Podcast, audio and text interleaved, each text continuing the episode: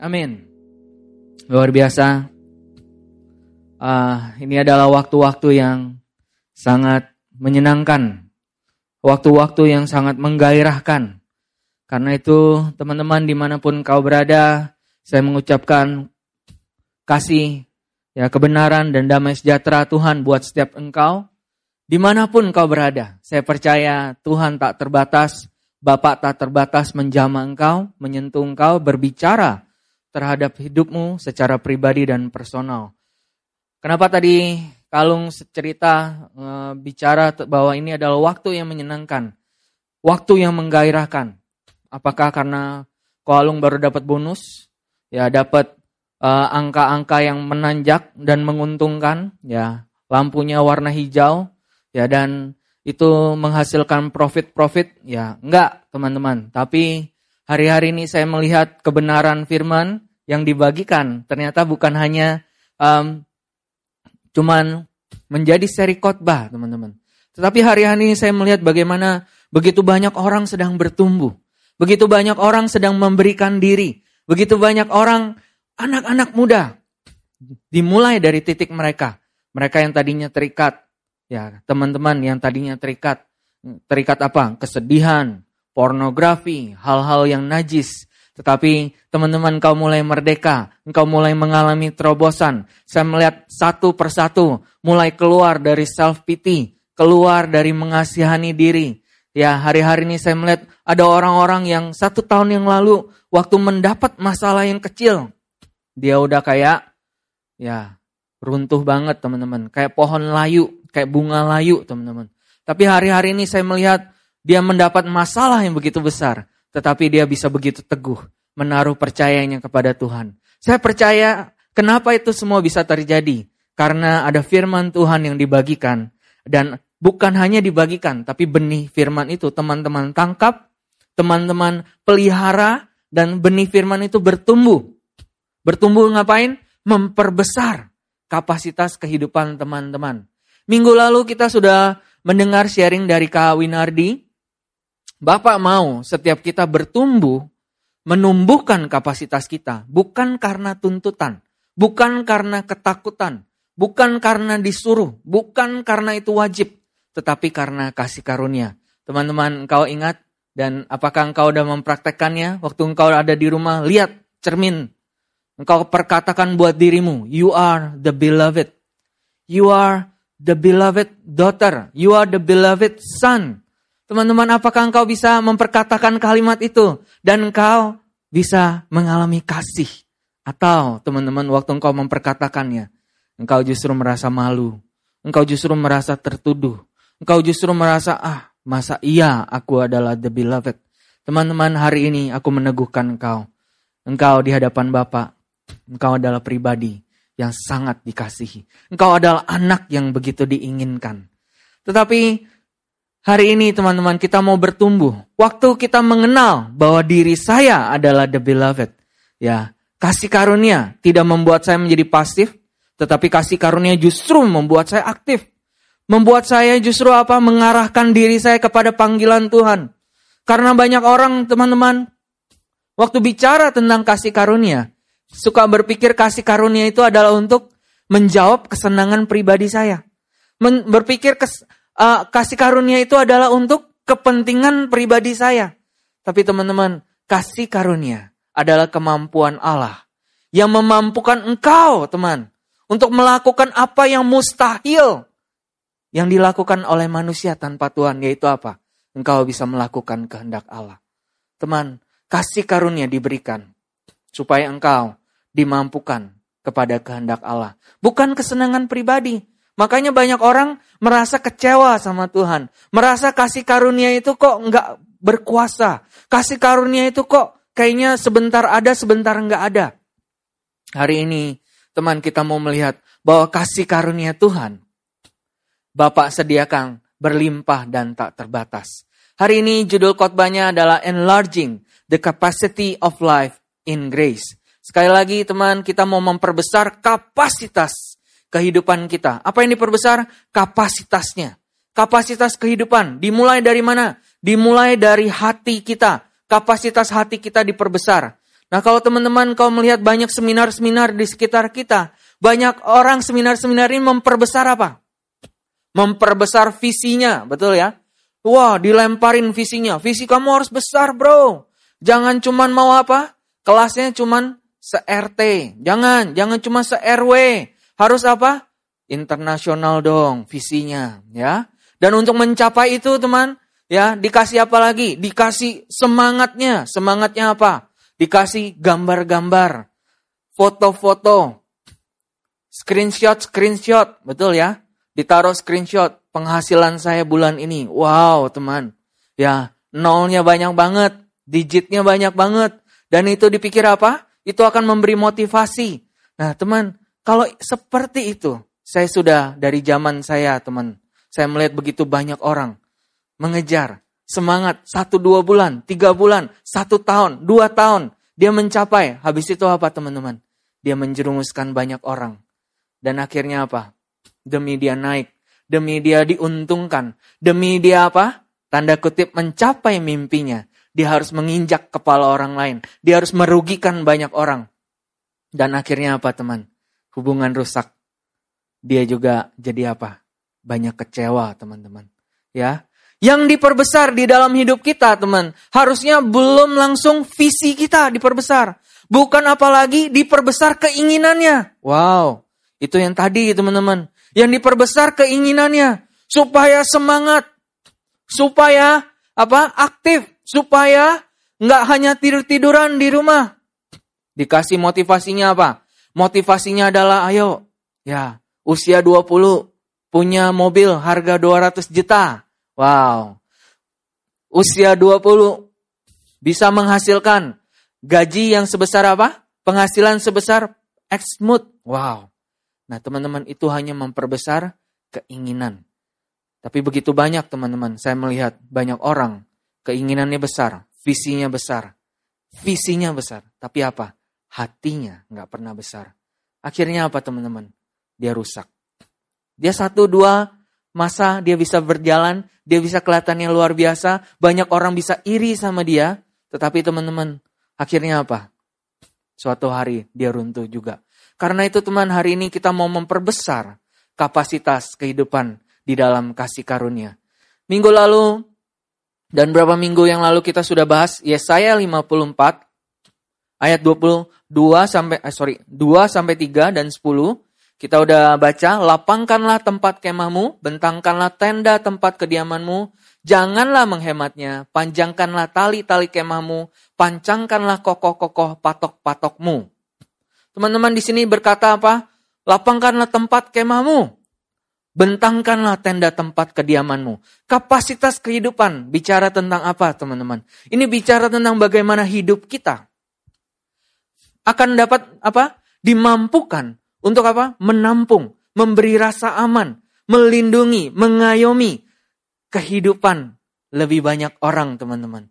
Nah, kenapa perlu dibentangkan, teman? Saya menemukan banyak anak muda, ah udahlah kak, mager, ngapain dibentangin? Teman-teman coba engkau bayangin, kalau engkau punya tenda dan engkau nggak bentangkan, kira-kira kehidupanmu gimana teman? Ya, ya, pernah bayangin kemah, tapi nggak pernah dibentangkan. Bisa hidup nggak di dalamnya teman? Bisa? Ya, engkau yang suka camping, udah, udah capek naik gunung, nggak usah dibentangin kemahnya. Udah dipakai aja. Teman-teman itu namanya bukan kemah, itu namanya selimut ya. Nah di dalam selimut nggak terlalu banyak yang bisa dilakukan teman-teman. Ya nggak bisa ngeliat banyak hal, ngerasanya gelap. Makanya teman-teman kemah menjadi justru menjadi penutup. Nah teman-teman engkau perlu bentangkan, bentangkan sehingga apa? Kapasitas kehidupanmu ternyata akhirnya bisa apa teman-teman? Engkau bisa mengayomi banyak orang. Engkau bisa apa? memimpin banyak orang. Engkau bisa melihat hidupmu, ternyata Bapak bisa pakai, bukan hanya untuk dirimu. Wow, teman-teman, luar biasa sekali, ya. Di situ dikatakan sebab engkau akan mengembang ke kanan dan ke kiri, keturunanmu akan memperoleh bangsa-bangsa dan akan mendiami kota-kota yang sunyi. Sebab biarpun gunung-gunung beranjak dan bukit-bukit bergoyang, tetapi kasih setiaku tidak akan beranjak daripadamu dan perjanjian damaiku tidak akan bergoyang. Firman Tuhan yang mengasihani engkau. Ya. Sebagai murid Kristus yang hidup dalam visi Bapa. Nah, teman-teman ingat, murid Kristus yang hidup dalam visi Bapa. Selalu ada kasih karunia buat saya. Kasih karunia sekali lagi bukan untuk kesenangan pribadi kita, bukan untuk apa? kepentingan pribadi saya, teman. Tetapi untuk apa? Kasih karunia selalu tersedia untuk saya dapat menggenapi apa yang menjadi kehendak Bapak di dalam hidup saya, teman-teman. Ya, selalu ada kasih karunia bagi saya untuk apa? Enlarge kapasitas hidup saya.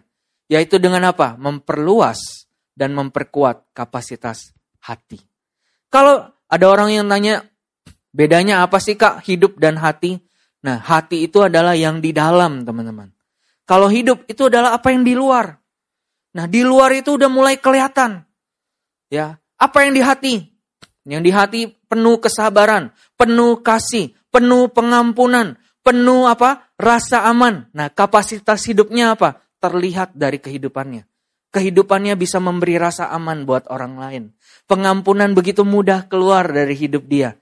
Nah, teman-teman, dimulai dari hati kita. Amin, teman-teman. Nah, saya melihat begitu banyak anak Tuhan, ya, kapasitas hatinya kecil.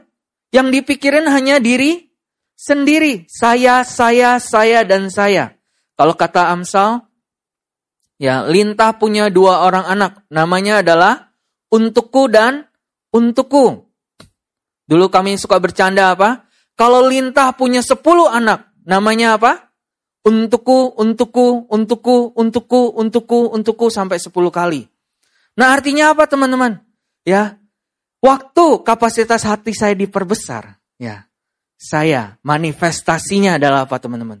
Ya, saya akan punya kapasitas hidup. Saya mulai memikirkan orang lain. Saya mulai mengatur ulang hidup saya supaya ada ruang buat orang lain bisa diayomi di dalam hidup saya. Saya mengatur hidup saya sehingga ada orang lain yang bisa mendapat rasa aman melalui hidup saya, melalui perkataan saya, melalui tingkah laku saya. Ya, tapi kalau kapasitas hati kita kecil, bodoh amat gua sama orang lain. Ya, I just wanna do it by by my own rule.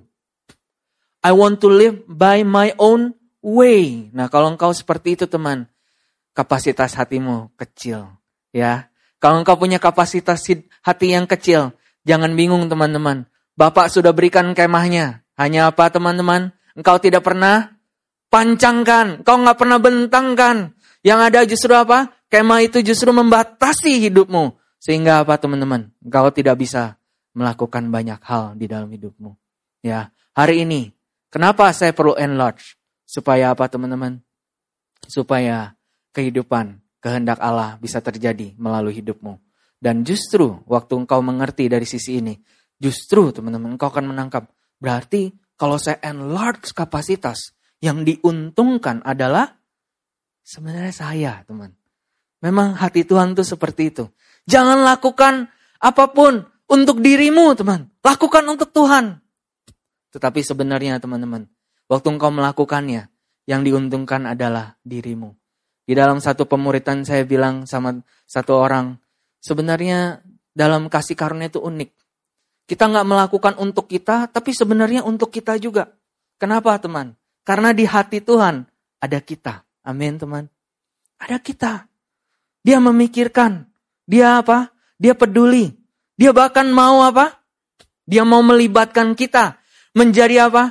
Co, co-heirs. Ahli waris bersama dengan dia.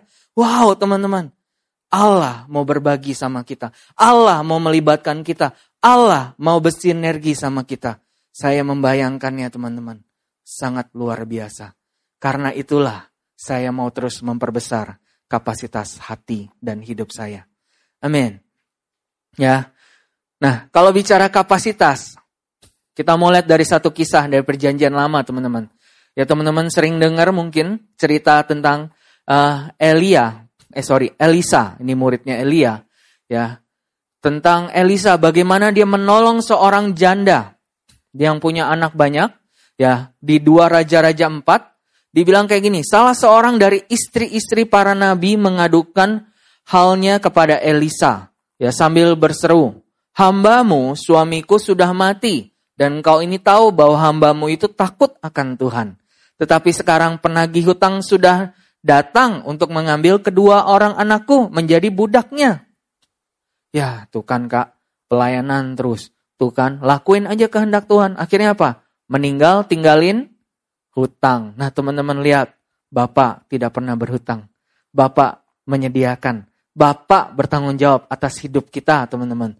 Bahkan bertanggung jawab atas keturunan-keturunan kita. Ya, saya sedang khotbah sama anak-anak youth. Mungkin teman-teman kak belum ada gambaran keturunan saya. Ya, saya belum menikah. Teman-teman lihatlah dengan iman. 20 tahun lalu waktu saya dengar firman ini saya udah membayangkan dengan iman keturunan saya. Keturunan saya akan dipelihara oleh Bapak. Keturunan saya akan disertai oleh Bapak. Bahkan sebelum saya punya keturunan. Lihatlah dengan iman teman-teman. Ya. Jawab Elisa kepadanya, Apakah yang dapat kuperbuat bagimu? Beritahukanlah kepadaku apa-apa yang kau punya di rumah. Berkatalah perempuan itu, hambamu ini tidak punya sesuatu apa pun di rumah, kecuali sebuah buli-buli berisi minyak. Menarik sekali, teman. Waktu dikatakan apa? Uh, istri dari nah, istri dari hamba yang meninggal ini, nabi yang meninggal ini, dia datang, dia punya kebutuhan, dia punya masalah, betul ya? Tapi waktu dia datang ke Elisa, Elisa justru nanyanya gini, apa yang dapat kuperbuat bagimu? Kasih tahu, apa-apa yang kau punya di rumah. Menarik teman-teman. Waktu saya melihat kalimat ini, Bapak, dia selalu apa? Dia mulai bekerja melalui apa yang ada di dalam hidup kita. Amin. Apa-apa yang kau punya di rumah. Berkatalah perempuan itu, nggak ada apa pun di rumah. Saya percaya sebenarnya ada lah teman-teman. Minimal ada apa? Minimal ada ya keranjang ya. Minimal ada batu buat bantal. Nggak mungkin juga nggak ada teman-teman. Ya. Tapi di sini dibilang kecuali sebuah buli-buli berisi minyak. Ini artinya apa? Ini gambaran dari sesuatu yang paling berharga dalam hidup dia. Teman-teman ini adalah sebuah prinsip di dalam Tuhan. Bapak, waktu dia mau mengerjakan kehendaknya di dalam hidup kita, dia akan mulai apa? Dia memakai yang mana teman-teman? Dia memakai apa yang ada padamu. Wow, cocok dong kok kayak begitu. Kalau gitu apa yang ku punya di rumah ya? Nah mulai mikir, ya itu ada handphone yang nggak ke, kepake. Oh ada tuh bantal yang bekas iler, ya itu itulah yang aku punya. Teman-teman, Kira-kira teman, memangnya Bapak perlu buli-buli berisi minyak punya si janda ini? Apakah teman-teman buli-buli berisi minyak si janda ini harganya mahal sekali buat Bapak? Sehingga Bapak nggak pernah bisa sanggup beli? Enggak. Tapi sebenarnya di sini Bapak sedang berkata apa teman-teman? Buli-buli berisi minyak itu adalah gambaran dari hati dia teman-teman. Karena itu hari ini tangkaplah Tangkaplah teman. Dari mana Tuhan akan menyediakan bagi hidupmu? Dari mana Tuhan akan mengalirkan penyediaannya, kasih karunia-Nya, menaruhnya sumber yang tak terbatas itu?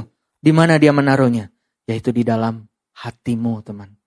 Di dalam hatimu.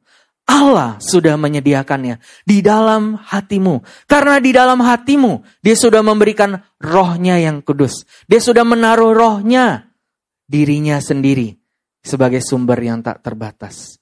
Dan dari situ akan mengalir, mengalir, mengalir. Apanya yang mengalir teman-teman?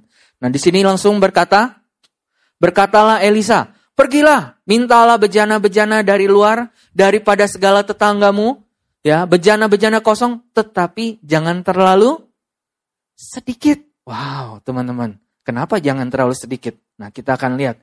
Kemudian masuklah, tutuplah pintu sesudah engkau dan anak-anakmu masuk, Lalu tuanglah minyak itu ke dalam segala bejana. Mana yang penuh, angkatlah. Wah, kok. Berarti mujizatnya ada di bejana-bejana pinjaman dong kok. Cocok, ya kan? Saya sering dapat tawaran dari handphone-handphone. Ya pinjaman online, pinjaman online.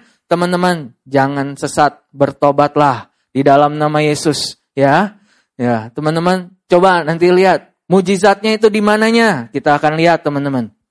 Ya.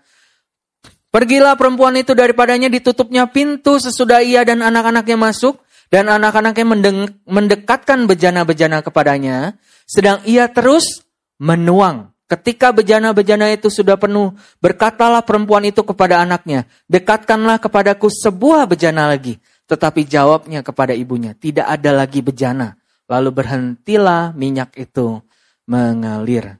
Ya, kemudian pergilah perempuan itu memberitahukan pada abdi Allah dan orang ini berkata, pergi, jual minyak itu, bayar hutangmu, hidup dari lebihnya engkau serta anak-anakmu. Amin, teman-teman. Ya, Menarik sekali. Dari di mana mujizat itu mengalir? Dari mana mujizat itu mengalir, teman-teman? Yaitu dari buli-buli milik perempuan itu, teman-teman. Buli-buli. Artinya apa? Dari mana? Dari mana sumber itu mengalir, teman-teman? Yaitu dari dalam hatimu, teman. Allah sudah menyediakan semua di dalam hatimu. Karena itu teman penting sekali untuk engkau bisa apa? Memperbesar kapasitas hatimu lebih dulu. Sehingga apa teman? Sehingga habis itu apa?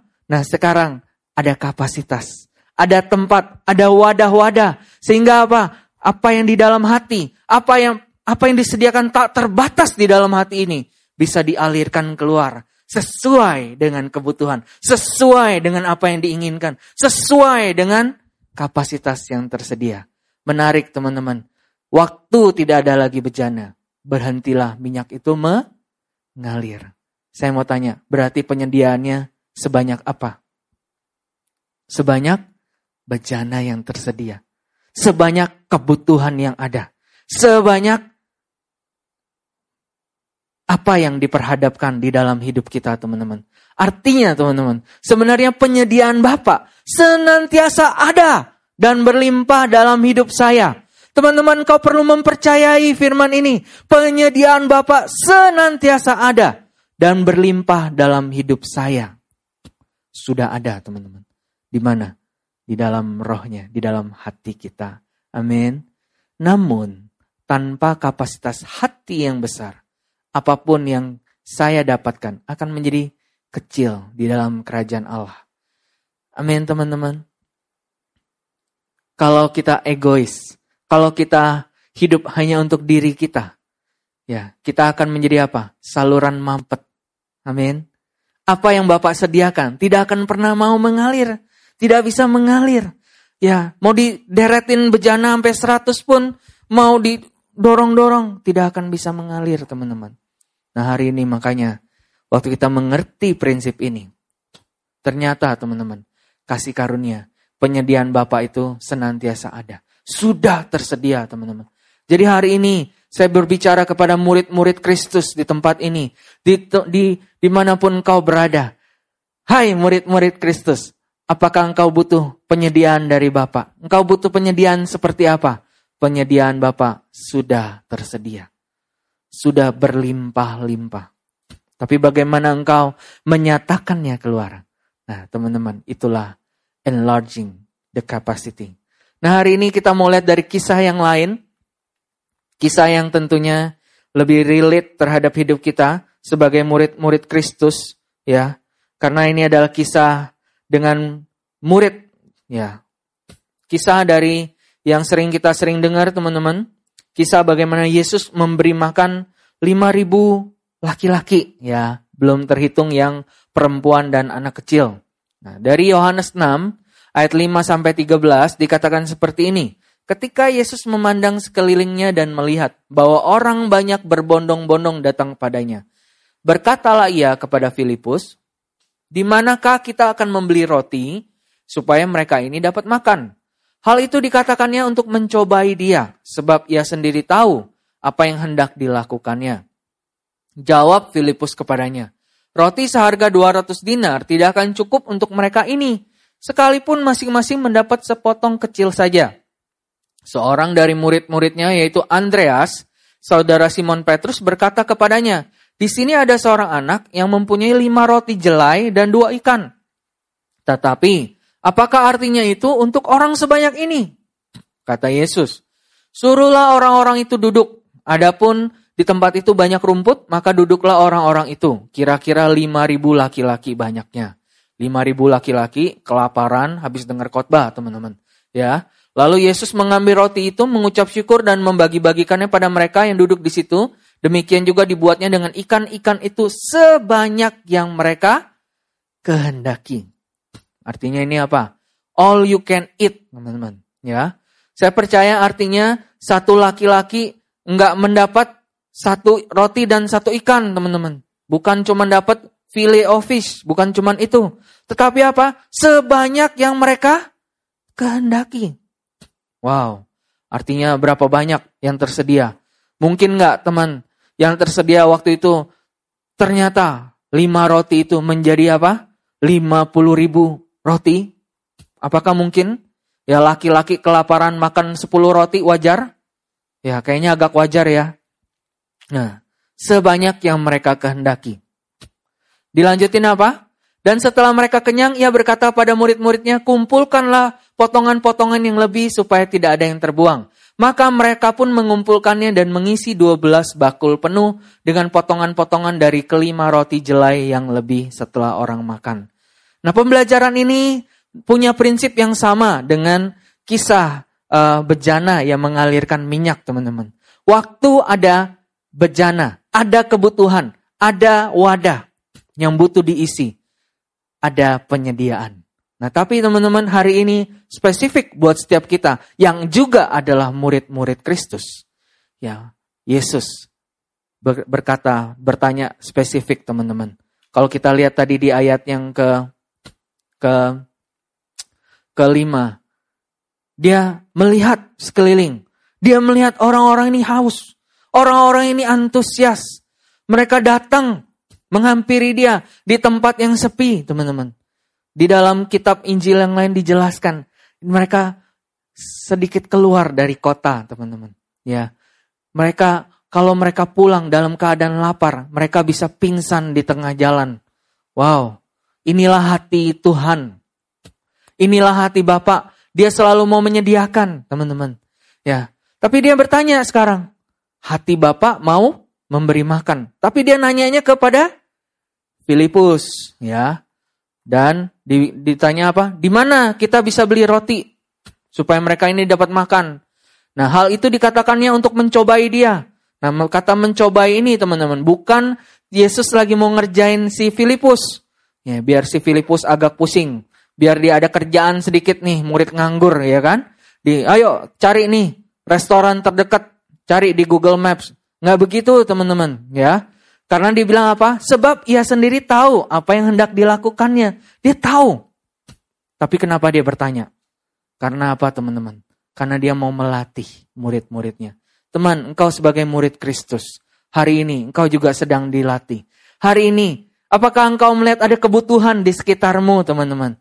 Apakah engkau melihat begitu banyak orang membutuhkan kasih Tuhan? Apakah engkau melihat begitu banyak orang butuh sentuhan dari Tuhan? Dan sekarang Tuhan berkata, ayo gimana engkau menyediakan makan buat mereka? Wow teman-teman, Tuhan, Yesus mau melatih murid-muridnya untuk melihat betapa besar penyediaan dari Bapak di dalam kasih karunia. Teman-teman, berapa banyak dari kita menyadari bahwa ada penyediaan melalui hidup saya buat bangsa-bangsa. Amin teman-teman. Ya, atau kita suka ngerasa gini, ah, it's not my problem. It's not my job. Ya, ada orang butuh Tuhan, ada orang sedang kesulitan. Bodoh amat. Ya, yang penting me, myself, and my world. I don't care.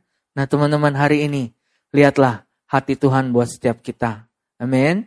Nah, kita mau lihat sebagai murid Kristus, saya perlu terus-menerus berjalan di dalam kasih karunia agar kapasitas hidup saya dapat ditumbuhkan dan diperbesar. Sehingga kasih karunia yang saya terima dapat menjadi nyata bagi bangsa-bangsa. Itulah kapasitas hidup teman-teman. Melalui hidupmu. Ada penyediaan nyata bagi banyak orang. Ada penyediaan yang nyata bagi bangsa-bangsa yang akan datang. Nah, waktu saya bertumbuh di dalam kasih karunia, kita akan selalu bisa melihat dengan perspektif yang berbeda, teman-teman. Ya. Nah, kita mau lihat lebih spesifik. Hai Filipus Filipus, Andreas Andreas, murid-murid Kristus yang ada. Kita mau belajar melihat dari sisi kasih karunia. Dengan kapasitas hidup yang besar, saya dapat melihat yang pertama. Yang saya lihat yang pertama adalah hati Bapak yang besar. Bukan masalahnya yang besar. Teman, sekali lagi tadi waktu kita lihat Yesus memandang sekelilingnya dan melihat, saya mau tanya kepada teman, waktu engkau melihat keramaian orang, orang-orang berkumpul, orang-orang datang, yang kau lihat apa teman? Dulu karena saya katanya orang introvert, saya orang yang apa? Uh, mendambakan keharmonisan, keteraturan teman-teman. Tanya sama anak saya teman-teman. Kalau saya udah pel, ya saya maunya udah jangan disentuh. Ya, udah jangan disentuh. Rumah itu yang bagus apa? nggak usah diapa-apain. Semua barang ditaruh di situ udah nggak usah diambil-ambil. Ya, kalau kayak gitu orang bisa hidup nggak teman? Ya nggak bisa hidup lah. Emangnya itu museum. Ya, nah memang banyak orang hidupnya itu bukan rumah, tetapi apa? Museum. Ya kenapa? Karena isinya barang-barang antik. Nggak boleh disentuh, betul ya? Ya, jangan sentuh topik ini, jangan sentuh topik itu, jangan bahas yang ini, jangan bahas yang itu. Jadi yang mana kak yang dibahas? Nggak usah bahas apa-apa, diam aja. Ya, kalau ngobrol sama saya udah permukaan-permukaan aja. Jangan sentuh yang dalam. Ya, nah, bilang buat dirimu, hidupmu nggak ditentukan jadi museum. Ya, jangan simpan barang antik. Tapi teman-teman, saya mau jadi tenda yang diperbesar, dibentangkan. Sehingga banyak orang bisa diayomi. Banyak orang bisa apa? menerima rasa aman. Nah, waktu kita mengerti soal ini teman-teman, artinya teman-teman, semakin banyak orang datang. Ya, paling gampang yang kita lihat apa? Ma, masalah banyak banget, betul teman-teman? Betul, betul teman-teman. Masalah, masalah, masalah. Ya, Yesus memandang yang manusia lihat sebagai masalah teman-teman. Tetapi Yesus melihat dari sisi hati Bapak. Dia melihat ini bukan masalah. Dia melihat orang-orang sebagai anak dia. Dan dia melihat ada hati Bapak yang besar. Teman-teman, hari ini, apakah kita seperti Filipus? Waktu melihat orang banyak, yang kita lihat adalah beban. Yang kita lihat adalah masalah yang besar. Hari ini berapa banyak masalah situasi yang kita lihat jadinya apa, teman-teman? Membatasi hidup kita. Di situ Filipus menjawab, di mana kita bisa beli roti supaya mereka ini dapat makan? Wah, menarik ya teman-teman. Filipus ternyata udah ngerti majas sarkastik ya. Dia sebenarnya lagi menjawab Yesus dengan sarkas. Di mana kita bisa beli roti? Sebenarnya dia lagi ngomong gini, eh Yesus, Tuhan Yesus, coba lihat sekeliling. Memang ada ada bread talk di sini, ya. Ada toko roti sekitar sini. Ya nggak ada lah bro. Ya, hal itu apa? Habis itu apa? Dia nggak berhenti sarkasnya, ya kan? Dijawab lagi. Roti seharga 200 dinar. 200 dinar teman-teman tahu? 200 dinar. Satu dinar itu adalah upah satu hari bekerja. Anggap, saya hitung-hitung teman-teman. Satu hari kerja misalnya 200 ribu misalnya. Ya 200 dinar artinya berapa? 40 juta. 40 juta ya rupiah beli roti. Ya, beli roti yang agak murah teman-teman. 10 ribu dapat 5. Wah itu roti apa lagi ya kan. Nah ada teman-teman di Gading Serpong ada yang jual. Ya teman-teman kira-kira roti sebanyak itu masih cukup nggak? Nah kata Filipus nggak cukup. Ya mungkin dia jawab begini. Sebenarnya dia nggak punya 200 dinar. Mungkin dia punyanya 100 dinar teman-teman. Dia lagi bilang kayak gini loh. Uang kita dihabisin beli rotinya, Nggak cukup. Sekalipun apa? Sarkasnya nggak selesai teman-teman. Sekalipun masing-masing mendapat sepotong kecil. Oh itu ya kak. Kayak kalau kita perjamuan kudus. Ya cuman dapat hosti begitu. Ya itu itu ngenyangin enggak teman-teman. Nyelip ya. Belum tentu nyelip di perut. Nyelip di gigi doang ya kan. Nah Filipus teman-teman. Dia nggak salah sebenarnya. Walaupun dia sarkas, tapi dia salah nggak? Dia nggak salah. Hitung-hitungannya hebat. Hitung-hitungannya benar. Hitung-hitungannya wajar, teman-teman. Nah, berapa banyak dari kita, anak-anak Tuhan, murid-murid Tuhan, dalam kita melakukan kehendak Allah, nah, kita seperti Filipus. Hitung-hitungannya jago, teman-teman. Ya, hitung-hitungannya banyak. Ya, dia perhitungannya sangat dibatasi oleh perhitungan lahirianya. Nah, berapa banyak dari kita waktu kita mau ikut Tuhan, yang kita lihat terus-terusan adalah masalah, masalah, masalah, masalah. Udahlah, lagi pandemi. Lagi pandemi udah tiong-tiong aja di rumah, tenang-tenang aja di rumah. Udahlah, nggak usah peduli sama yang lain. Jadilah warga negara yang apa? Baik ya. Kan katanya apa? Jadi pahlawan negara. Caranya gimana? Tidur tidur di rumah, makan di rumah, ya pesan pesan online food. Nah itu udah jadi pahlawan teman-teman. Ya, udah bagus kayak gitu aja. Nggak usah, nggak usah menjangkau, nggak usah pikirin orang lain. Pikirkanlah kesehatan dirimu sendiri, teman-teman. Sadarkah engkau di masa ini berapa banyak orang sedang mencari Tuhan? Di masa ini berapa banyak orang sedang kelaparan? Sedang kelaparan dan hai murid-murid Kristus. Kristus sedang berkata, engkau harus memberi mereka makan. Wah, beban. Beban. Aduh, Tuhan kok begitu? Nah, di situlah teman. Kenalah hati Tuhan. Lihatlah hati Bapak yang besar. Bapak rindu anak-anaknya dijamah.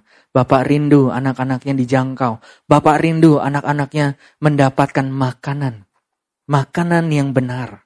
Makanan yang bisa membangun hidup mereka. Dan melalui siapa Bapak mau mengerjakannya? Melalui engkau dan saya. Tetapi teman-teman, hari ini, kalau engkau seperti Filipus, ya susah banget teman-teman. Ya, yang kau lihat adalah masalah demi masalah.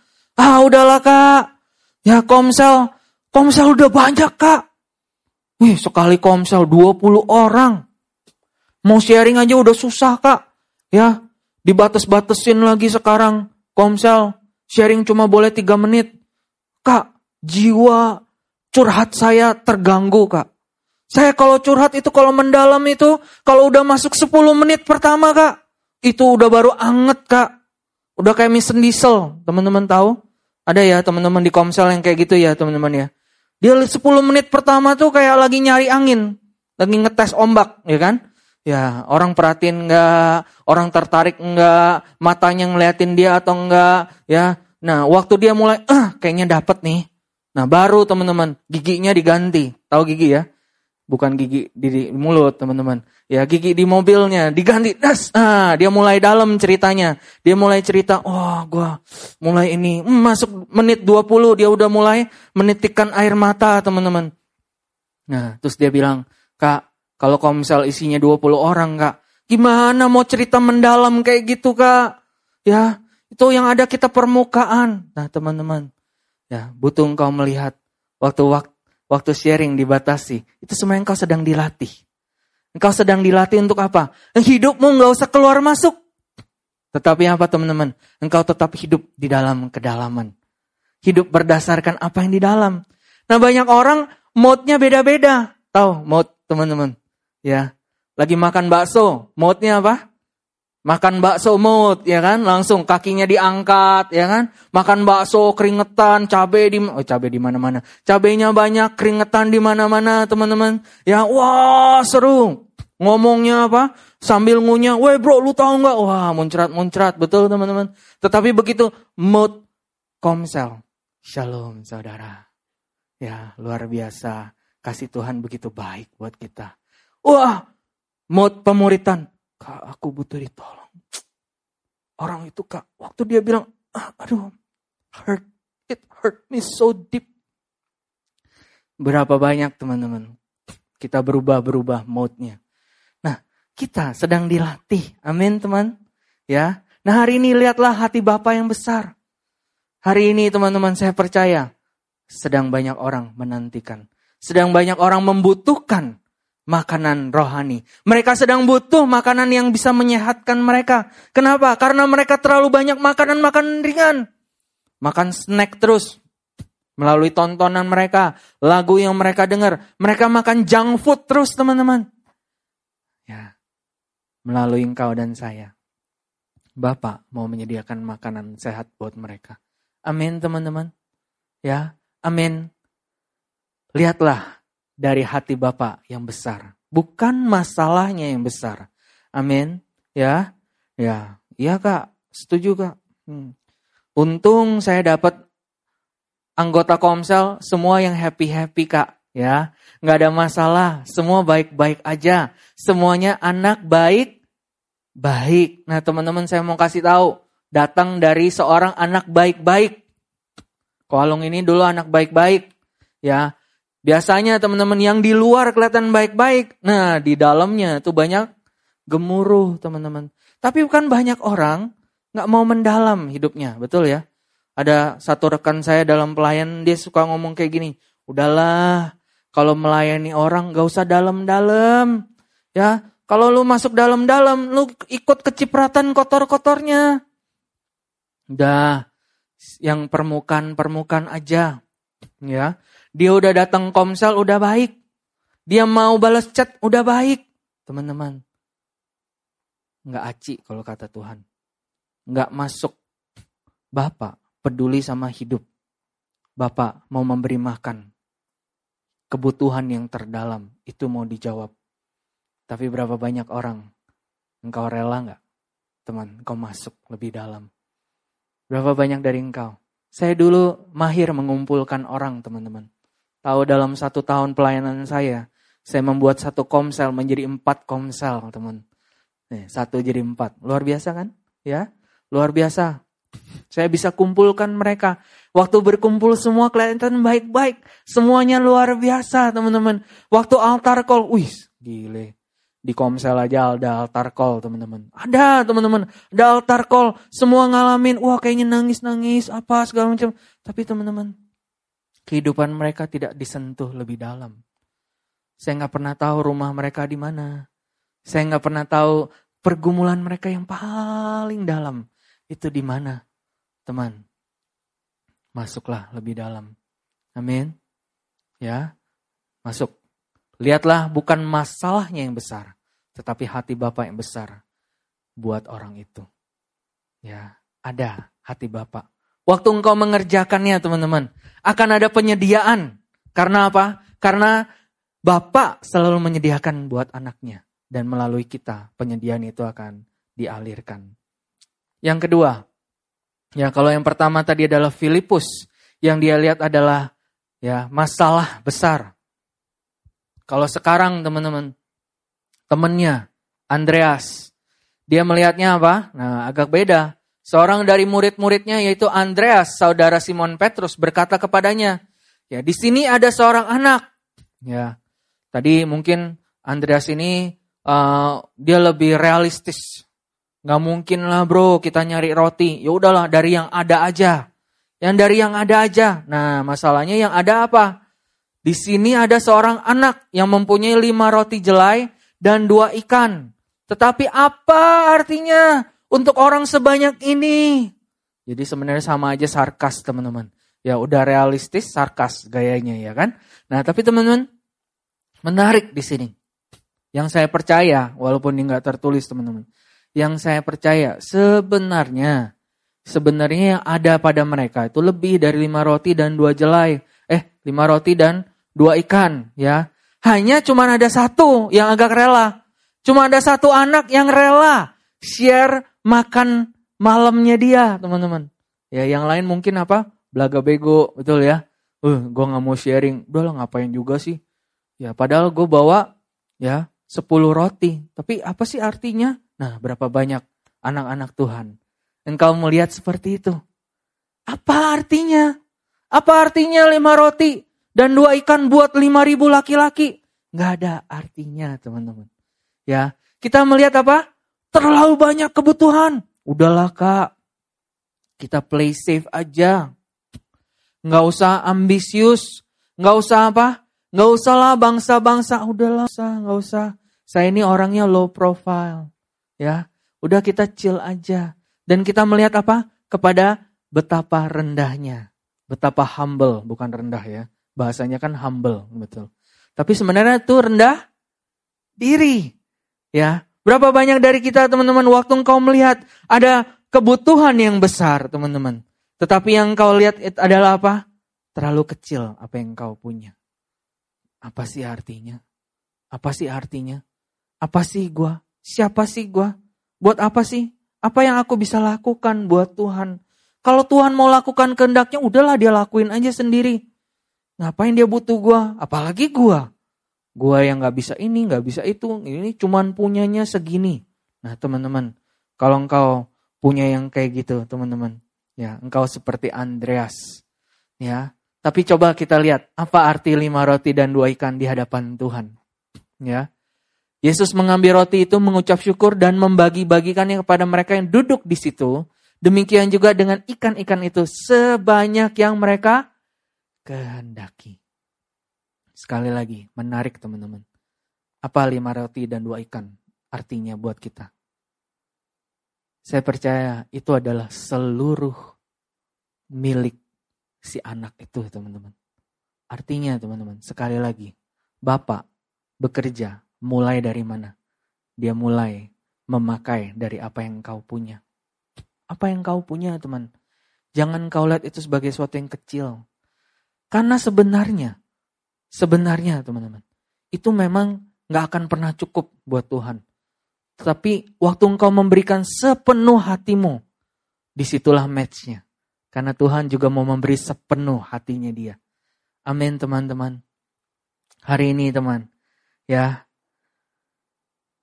kita kalau kita melihat terus kepada kemampuan kita, kecilnya kita, ya selalu nggak akan pernah cukup rasanya. Tetapi sekali lagi, apa yang kau punya? Waktu itu ada di tangan Yesus. Itu akan menjadi sesuatu yang luar biasa.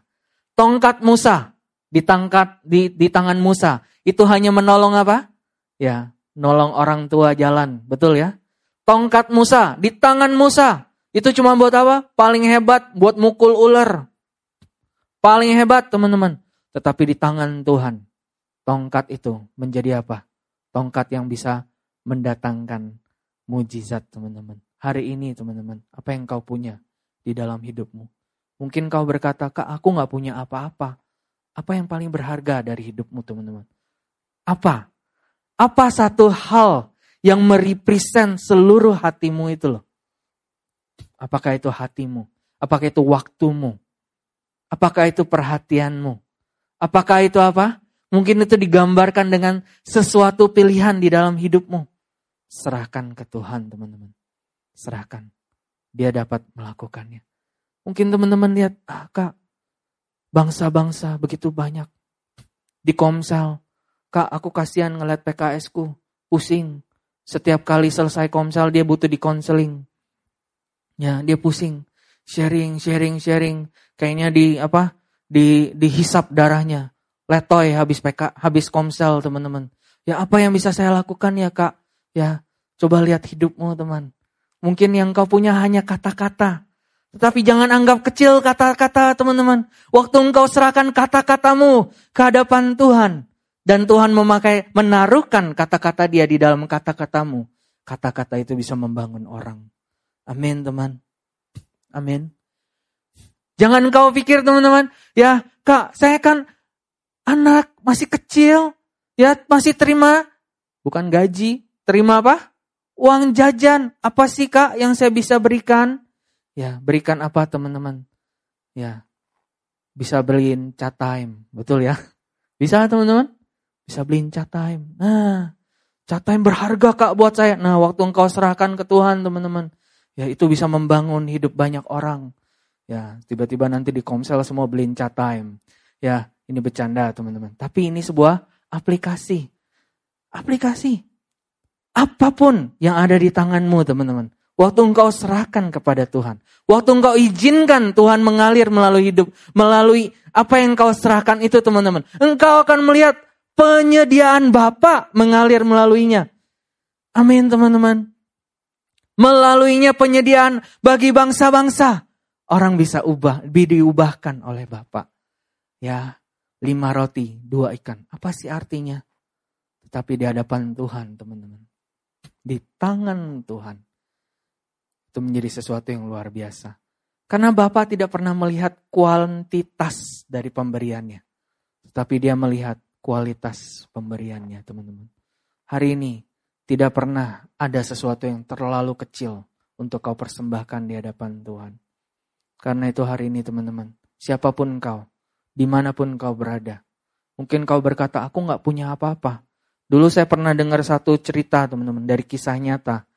Dari sebuah hmm, kisah di dalam uh, ladang misi. Ada orang berkata, uh, pendeta berkhotbah, dia bilang, serahkan hidupmu bagi Tuhan, berikan yang terbaik. Dan waktu apa kalau di di ladang misi itu budaya mereka persembahan itu di diedarkan teman-teman. Diedarkan, diedarkan, diedarkan. Ya satu anak ini dia berkata apa? Pak, boleh nggak keranjangnya ditaruh di lantai? Kenapa? Saya nggak punya uang. Tetapi yang saya punya diri saya. Saya mau masuk ke dalam basket itu saya persembahkan hidup saya kepada Tuhan. Tahu teman-teman anak itu dipakai Tuhan luar biasa. Ya, seorang anak. Waktu orang-orang melihatnya, mereka terharu dan mereka berkata, kami memberi dari kelebihan kami. Tetapi anak ini, dia nggak punya apa-apa.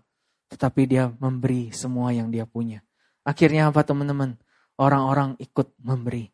Orang-orang ikut uh, memberi yang terbaik. Amin teman-teman. Seorang anak kecil bisa Bapak pakai. Luar biasa. Engkau anak-anak muda.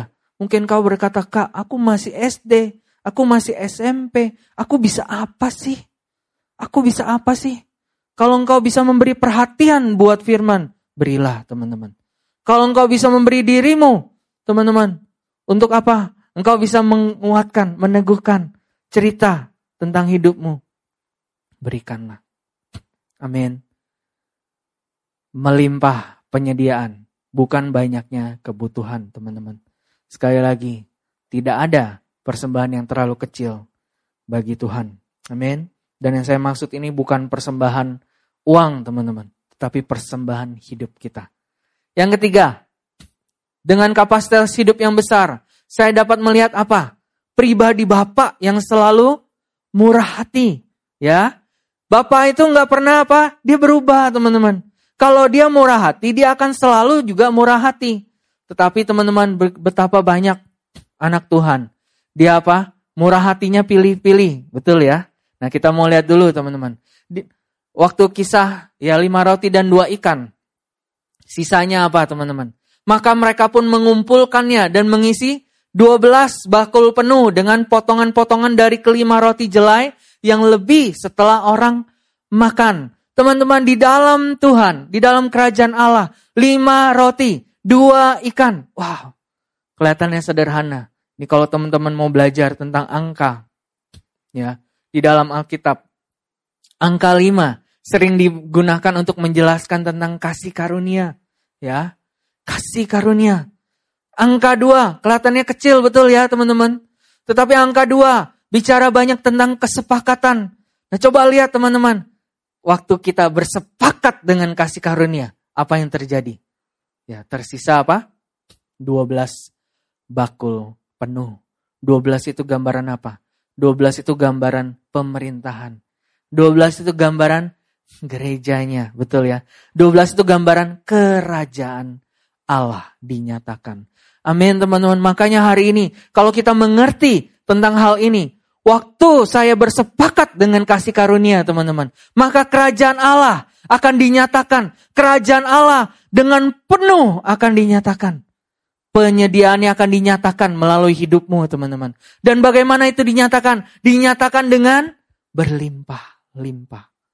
Amin. Kita sedang menyatakan pribadi Bapak yang murah hati. Dia generous teman-teman. Lebih dikasihnya apa? More more than enough. Ya. Yang waktu kisah Elisa juga sama teman-teman. Pergilah, jualah minyak itu, bayarlah hutangmu dan hiduplah dari lebihnya teman-teman. Engkau serta anak-anakmu. Teman-teman, Bapak dia generous dalam menyediakan. Bapak dia generous dalam melimpahkan. Nah teman-teman, dan dengan kapasitas hidup yang besar, saya bisa melihat senantiasa. Saya bisa menyadari dengan senantiasa. Saya punya Bapak yang generous. Tapi berapa banyak dari kita teman-teman Mungkin kita punya bapak yang tidak generous. Ataupun dia adalah bapak yang berubah-berubah. Sehingga apa teman-teman? Di dalam aplikasi kehidupan kita pun, kita juga sering berubah-berubah. Berubah-berubah. Sama orang tertentu kita generous. Sama orang tertentu kita sangat pelit. Ya. Tahu teman-teman, orang yang pelit itu artinya ya, dia bukan enggak kaya, dia bukan yang enggak punya, tetapi apa? Mentalnya itu mental orang miskin. Mentalnya bukan mental orang yang generous. Lawannya generous kan pelit, betul ya teman-teman ya? Coba lihat teman-teman. Saya menemukan banyak anak Tuhan. Ya. Mentalnya miskin. Miskin apa teman-teman? Belum ngomong soal materi deh teman-teman. Miskin. Miskin apa? Miskin kasih. Miskin pengampunan. Miskin penerimaan. Miskin sukacita. Miskin apa? Miskin kesabaran. Tahu miskin kesabaran teman-teman? Ya, sana sini bikin dia ngamuk. Sana sini bikin dia marah. Geram hidupnya. Penuh kemarahan. Teman-teman itu namanya miskin. Ya, hari ini teman-teman. Kalau kita berjumpa dengan kasih karunia dan kasih karunia itu adalah berlimpah-limpah di dalam hidup kita, harusnya kita penuh dengan kekayaan, kita penuh dengan generosity. Teman-teman, berapa banyak dari kita kita generous? Generous senyumnya. Ya. Di Komsel, teman-teman apakah engkau generous senyumnya? Ataukah, aduh senyumnya mahal banget. Aduh, anak Komsel yang satu ini, anak yang satu ini, ya, kok senyumnya mahal? Coba lihat senyumnya mana senyumnya, ya. Ya, ya itu anak kecil, teman-teman. Jadi kalau engkau mau diperlakukan seperti anak kecil, anak kecil itu kan egois, betul teman-teman. Ya, orang yang miskin dia akan cenderung apa? Karena dia selalu melihat dirinya sendiri. Orang yang miskin, ya, dia sulit meneruskan pengampunan. Dia sulit meneruskan kesabaran. Apalagi, teman-teman, dia meneruskan kemurahan buat banyak orang. Ya, teman-teman, berapa banyak kita punya mental miskin? Ya, kalau ngasih orang nggak beri yang terbaik, kasih orang, ah udahlah, kasih orang ditentukan oleh ongkir. Amin teman-teman. Sebenarnya gue pengen kasih dia sih. Cuman karena nggak ada voucher, ya nggak ada diskon, udahlah dibatalin aja. Ya teman-teman, kasihmu dibatasi oleh ongkir. Kasihmu dibatasi oleh voucher teman-teman. Nah hari ini jangan mau seperti itu. Amin teman-teman. Tapi coba lihat di dalam Tuhan. Dia adalah Tuhan yang berlimpah-limpah. Dia adalah Tuhan yang generous. Nah, kasih karunia membuat kita menjadi apa? Pribadi yang juga generous, teman-teman. Ya. Nah, banyak anak Tuhan. Waktu dia berjumpa dengan kasih karunia, habis itu dia melanjutkan dengan hitung-hitungan. Dia melanjutkan dengan Taurat lagi. Dia melanjutkan dengan hukum lagi, teman-teman. Ya, harusnya selalu murah hati. Selalu kasih karunia. Teman-teman jangan engkau keluar masuk dari kasih karunia. Tapi engkau harus butuh melihat apa? Bapak. Bapak itu selalu generous. Nah hari ini teman-teman, saya generous nggak? Saya punya hati yang generous nggak? Kalau saya melihat dari sisi kasih karunia, saya bisa meneruskan generosity itu teman-teman. Ya, di dalam kasih karunia, hidup kita menjadi pribadi yang simple menjadi sederhana. Kenapa dibilang simple? Coba kalau kalau miskin, coba kayak tadi Filipus yang jago hitung-hitungannya. Kita jadi orang yang rumit, betul ya teman-teman? Coba kalau kita miskin pengampunan, kita akan hitung-hitung, betul ya? Gua mau mengampuni kalau kalau kalau dia lihat gua. Kalau nanti gua nyapa ketemu dia, dia julurkan tangannya dulu. Duluan kasih salam. Gua mau ampuni dia. Kalau apa? Dia udah tunjukin dia berubah. Teman-teman, sadar nggak? Yang begitu-begitu membuat hidup kita jadi rumit. Amin teman-teman. Saya mau punya banyak teman.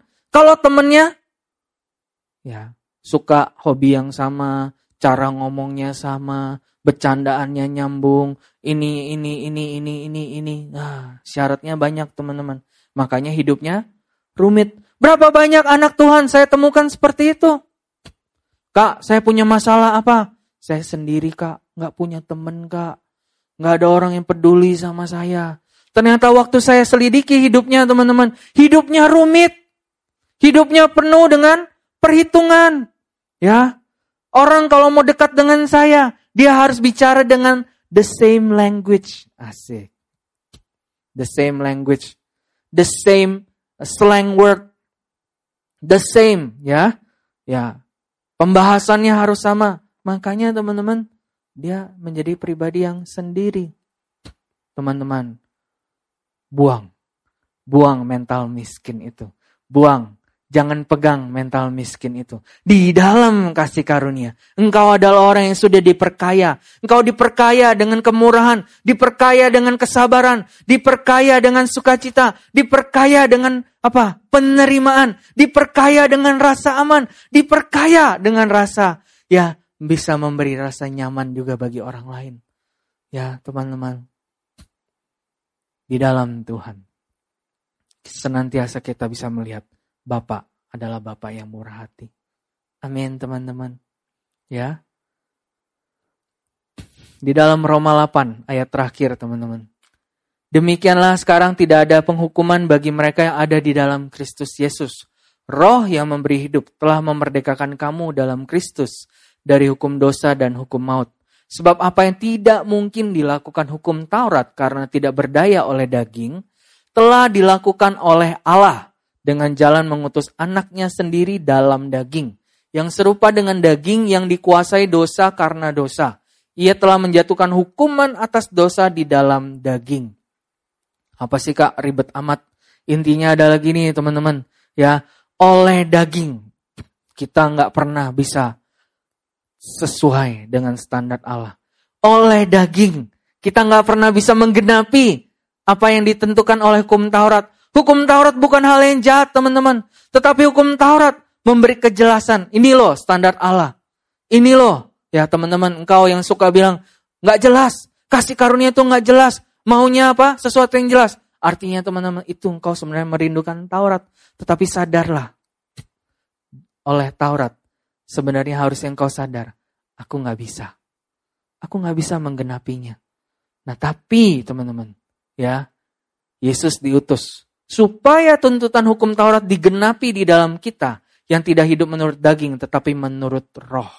Nah hari ini teman-teman, roh yang memberi hidup telah memerdekakan kamu dalam Kristus. Ya, ini adalah kasih karunia teman-teman. Hari ini lihatlah, bukan kepada kemampuanmu, bukan kepada kebisaanmu, tetapi kepada apa? Kasih karunia, kepada penyediaan Bapak, kepada kemampuan Bapak. Ya, karena itu statement terakhir, sebagai murid Kristus, saya perlu terus-menerus mengkaitkan kapasitas saya. Menarik teman-teman, kapasitas saya dikaitkan berdasarkan bukan dengan kesanggupan saya atau orang lain, tetapi apa? Kepada kesanggupan Yesus. Lihatlah senantiasa ada kasih karunia teman-teman. Lihatlah senantiasa ada hati Bapak yang murah hati di dalam hatimu teman-teman. Ya, saya tidak lagi melihat hukum, tetapi kasih karunia. Hukum membuat kita merasa tertuntut. Hukum membuat kita merasa takut. Hukum membuat kita merasa gunda gulana. Apakah aku bisa melewatinya atau enggak? Apakah aku akan melanggarnya atau enggak? Enggak, teman-teman. Tetapi kasih karunia selalu tersedia, selalu sudah disediakan, teman-teman. Sehingga saya dapat menumbuhkan kapasitas hidup saya sesuai dengan kasih karunia yang Bapak sudah berikan. Amin teman. Saya berdoa hari ini di dalam nama Yesus. Setiap kita hari ini bisa melihat di dalam Tuhan. Ya, wow. Hati Bapak begitu besar. Hati Bapak begitu luar biasa. Dan dia begitu personal. Dia mau memakai kita. Dari mana teman? Dari apa yang engkau punya. Dari apa yang kau punya teman-teman. Hari ini, di mana pun kau berada, saya berdoa. Tidak ada persembahan yang terlalu kecil. Bagi saya sendiri, kisah lima roti dan dua ikan. Itu kisah yang sangat personal, teman-teman. Ya, teman-teman, ada satu lagu judulnya seperti itu. Five fish, two loaves. Eh, terbalik. Five loaves, two fish. Ya, itu saya sering putar waktu saya sedang merasa gagal.